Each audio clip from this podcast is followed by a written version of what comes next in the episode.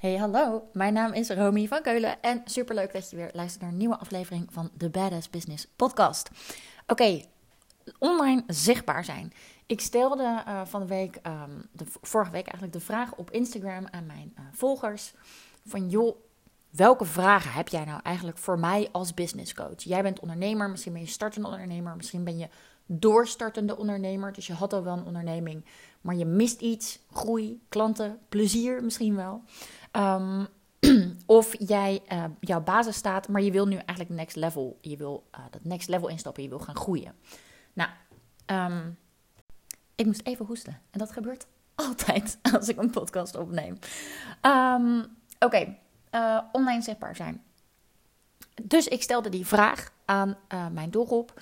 Uh, en dat is meteen al een tip. Dat is meteen al een tip voor jou. Stel nou gewoon eens wat vaker vragen aan je doelgroep, weet je. Want daaruit haal je weer nieuwe inspiratie. En kun je content maken die echt een rete waardevol voor, voor jouw doelgroep is. En dat is natuurlijk wat je wil. Je maakt het jezelf eigenlijk ook alleen maar makkelijker door die vraag te stellen. Nou oké, ik stelde dus de vraag, wat wil je van mij weten als business coach? En ik kreeg een aantal hele mooie, open, eerlijke antwoorden. Nou, een van die antwoorden was echt: ik struggle met het online zichtbaar zijn. Nou, ik heb even gesprek met haar gevoerd. Hoe zie jij dan online zichtbaar zijn? Wat vind je er dan ingewikkeld aan? En ik denk dat zij een antwoord gaf wat heel veel mensen zullen herkennen. Nou, hoe zie je online zichtbaar zijn? Dat bestaat eigenlijk uit een aantal verschillende aspecten. Dat je inderdaad um, op een consistente manier aanwezig bent online, zodat je on top of mind blijft bij je potentiële klanten. Door waarde te delen, door jezelf als persoon te laten zien, door te uh, informeren, door te um, aspireren, door te entertainen. Weet je, je hebt een mix en je kan allerlei verschillende mixen aandragen. Iedereen verzint drie woorden. Maar laten we ervan uitgaan dat je, je wil inderdaad doelgroep gerelateerde waarde delen. Je wil um, jezelf laten zien wie jij bent, wat jouw interesses zijn. En ook al je quirkiness, maar daar ga ik nog een nieuwe podcast over opnemen. Maar ook al je vreemde, je rare snuiterige dingen, zeg maar. Um, want that makes the difference. Um, dus waarde jou als persoon. En je wil ook je social proof bijvoorbeeld laten zien. Dus dat je inderdaad met mensen werkt, dat je inderdaad resultaten kan, uh, kan behalen uh, door een samenwerking. Nou, zo'n mix van dingen wil je laten zien. Nou, zij voegde daar ook heel mooi aan toe. Ik zou eigenlijk ook wat vaker uh, interactie willen met andere accounts. Dus dat ik ook kan reageren op andere posts. En zo werkt het natuurlijk. Als jij reactie. Um, zo werkt de universe. Als jij reactie op jouw post wil, dan zal je ook moeten beginnen met dat te geven. Weet je, wat je geeft, dat komt weer terug. Nou, ik neem maar aan dat als je deze podcast luistert, dat je daar wel in gelooft. Um, dus dat is natuurlijk ook een belangrijk, dat, je zelf uh, interactief bezig bent online. En ik vroeg haar, wat houdt jou dan tegen? Nou, aan de ene, ene kant echt het zelfvertrouwen uh, aspect. Dus ik vind het spannend om online te zijn. En aan de andere kant ook, ja, ik weet eigenlijk ook niet super goed waar ik het dan over moet hebben. Want ik weet eigenlijk nog niet zo heel erg goed wat ik ga aanbieden. Nou, zij slaat met deze antwoorden natuurlijk helemaal de spijker op zijn kop. En ik heb natuurlijk overal wel weer wat over te vertellen. Oké, het stukje zelfvertrouwen. Die snap ik enorm. Het is ook best wel spannend om opeens met je toeter, weet je wel, uh, online zichtbaar te zijn omdat je jezelf dan aan het expressen bent. Omdat je dan ook zoveel mogelijk je authentieke zelf bent. En als mensen daar dan wat van vinden, dan is dat best wel spannend. Dat snap ik 100%. Maar trok van de week de vergelijking met...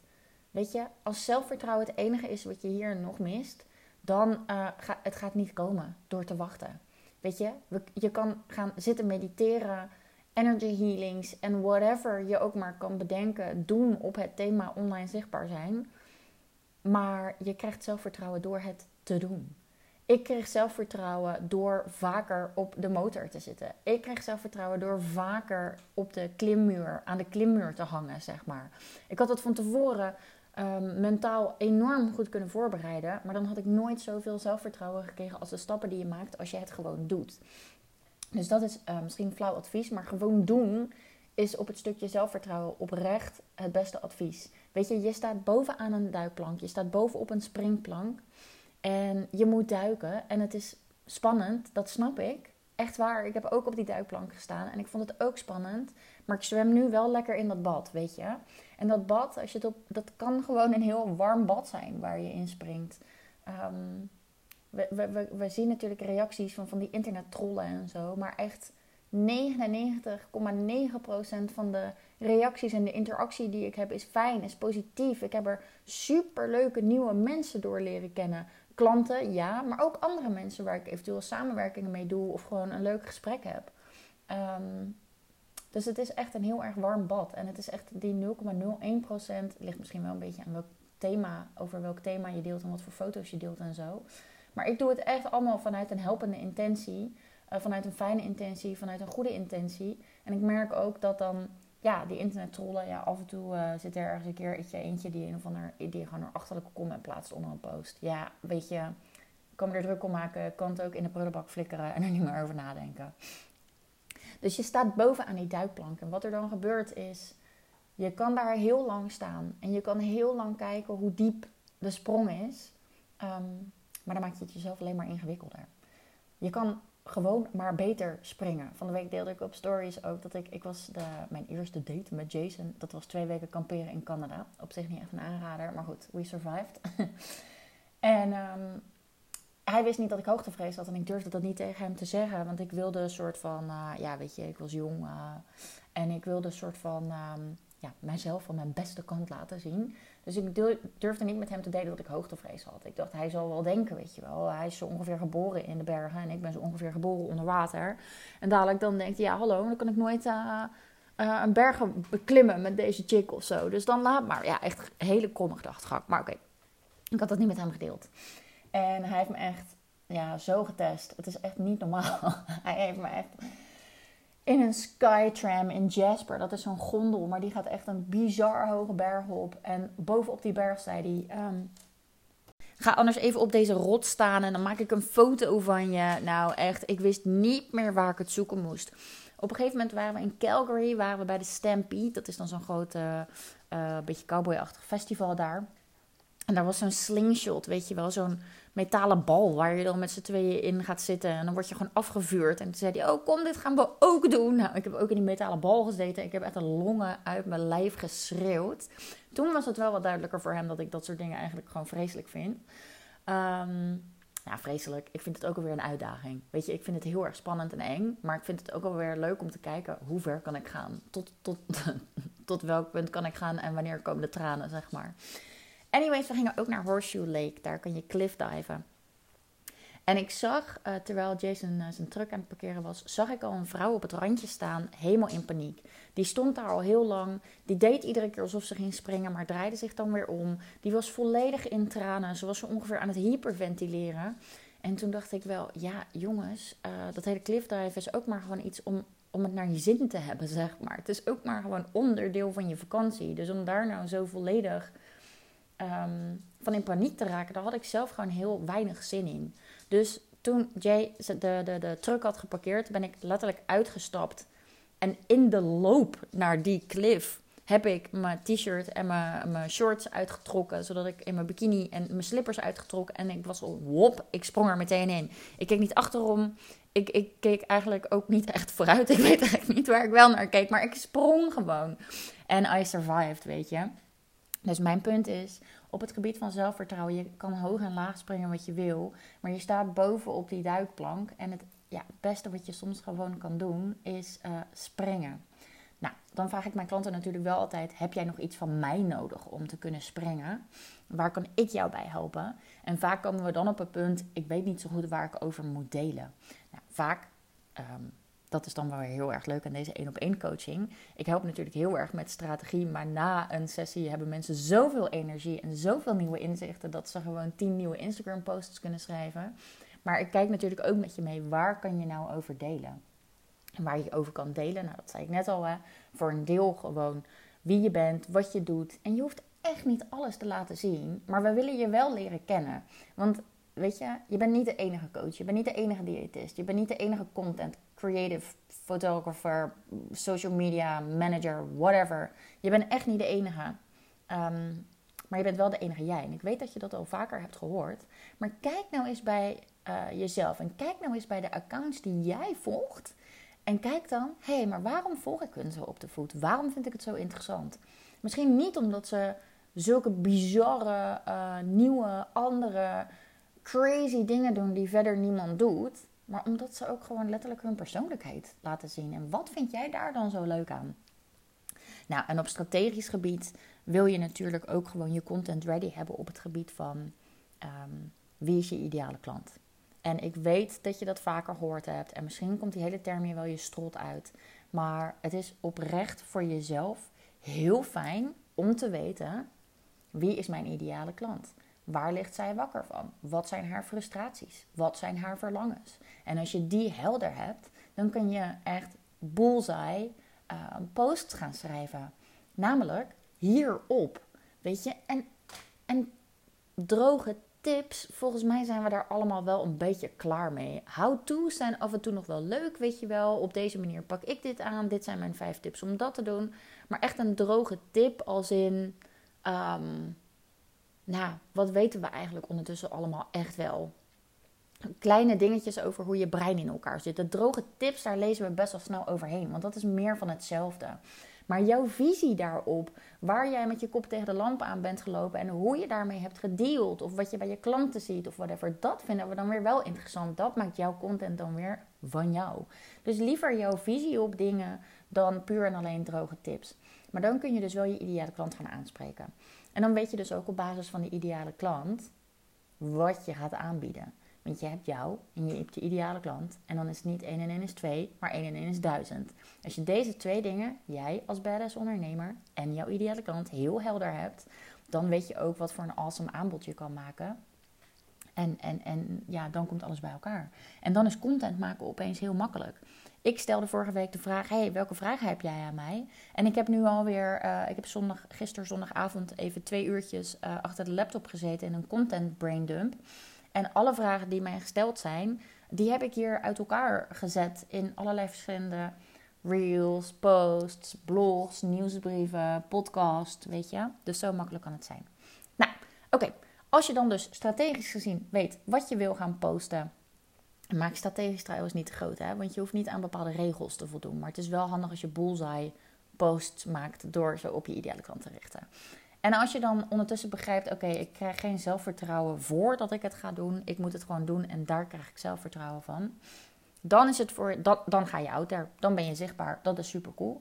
En dan is het voor jezelf heel relaxed om een bepaald ritme, een bepaalde structuur aan te brengen voor de vrijheid. Om je content te batchen. Omdat je dan op gang bent. Omdat je lekker aan het typen bent. Omdat je er al in zit. Omdat je eventueel Canva al open hebt staan om uh, mooie templates te maken, zeg maar. Maar dat is echt heel erg belangrijk. We denken, oh jee, vrijheid, weet je wel, kan doen waar ik zelf zin in heb. Um, maar toch is die structuur aanbrengen heel erg fijn voor je, zodat je um, meer vrijheid krijgt. Als jij je namelijk, ik ben met deze ochtend twee uurtjes kwaad aan het maken en dan heb ik mijn content voor anderhalve week weer klaar.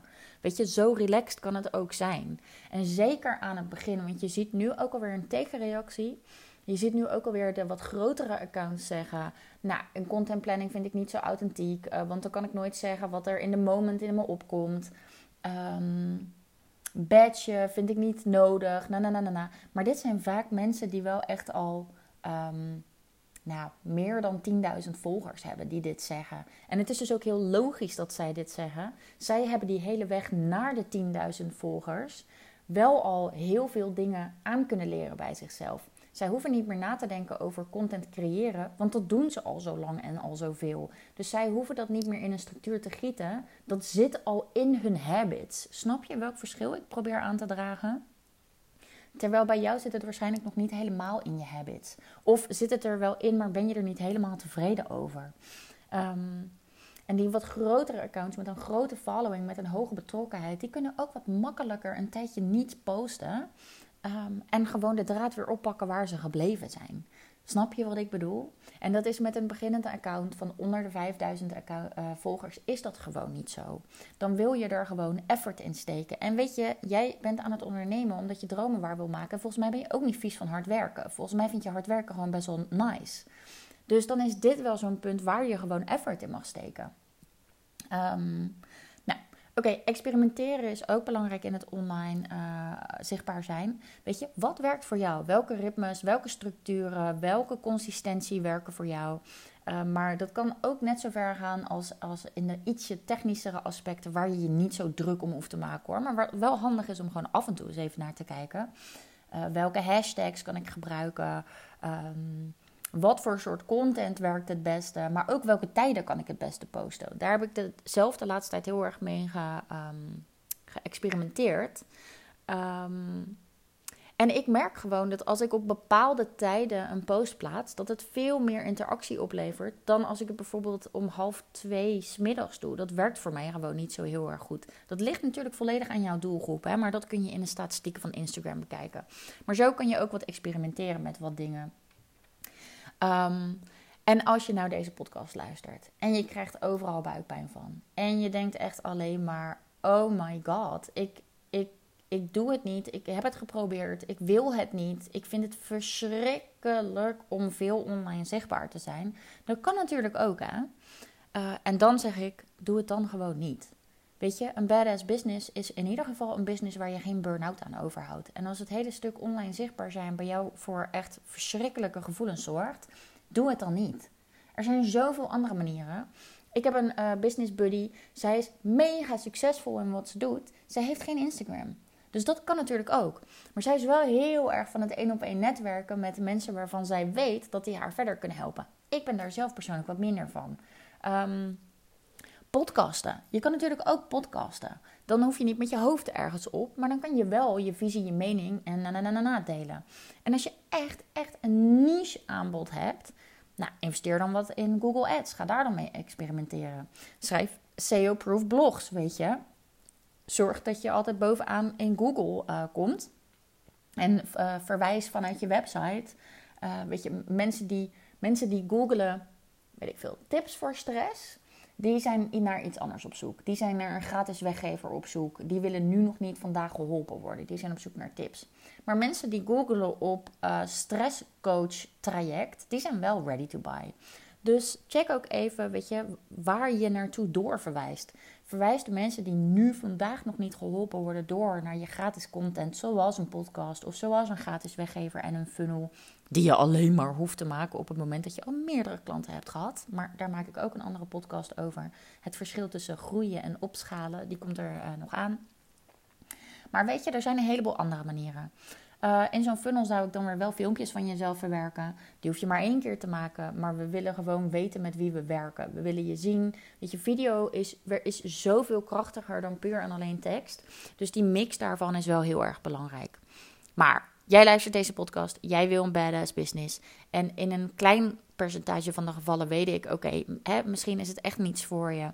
En um, en, kun je het over een andere boeg gooien. Maar het overgrote deel van de luisteraars daarvan weet ik gewoon. Jij vindt het ook gewoon leuk om zichtbaar te zijn. Want je vindt het ook gewoon wel cool om je te expressen zoals je bent. En om na te denken over creatieve dingen die je kan delen. En om de interactie aan te gaan met mensen online.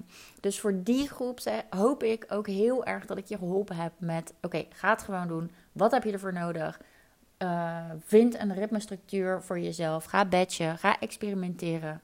En um, ik ben heel erg benieuwd of dat deze podcast je daarmee geholpen heeft.